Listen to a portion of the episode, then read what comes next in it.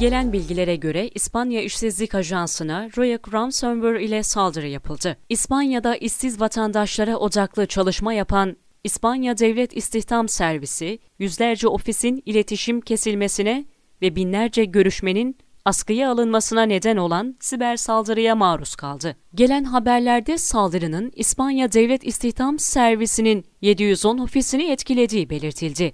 Fidye yazılımı ile saldırı yapıldığı iddia edilirken, saldırının kaynağı ve fidye talebinin ne kadar olduğunun bilinmediği aktarıldı. İspanya Devlet İstihdam Servisi yaptığı açıklamada bilgi ve iletişim sistemlerinin kullanılabilirliğini etkileyen güvenlik olayı yaşadığını kabul etti. Acil eylemlerin gerçekleştirilmesiyle de olayı kontrol altına almanın ve saldırı etkisini azaltmanın mümkün olduğu duyuruldu. Business Insider'a göre saldırı, Ryuk isimli yazılım firmasından yapıldı. Bu yazılım daha önce de birkaç fidye yazılımı saldırısında kullanılmıştı. Sistemlerin tekrar çalışılabilir hale gelmesi için çalışmanın devam ettiği belirtilirken, yerel basında İspanya Devlet İstihdam Servisi'nin teknolojik altyapısının yetersiz olduğuna yer verildi. Hatta kullandığı yazılım ve donanımın uzun yıllardır kullanıldığı yazıldı.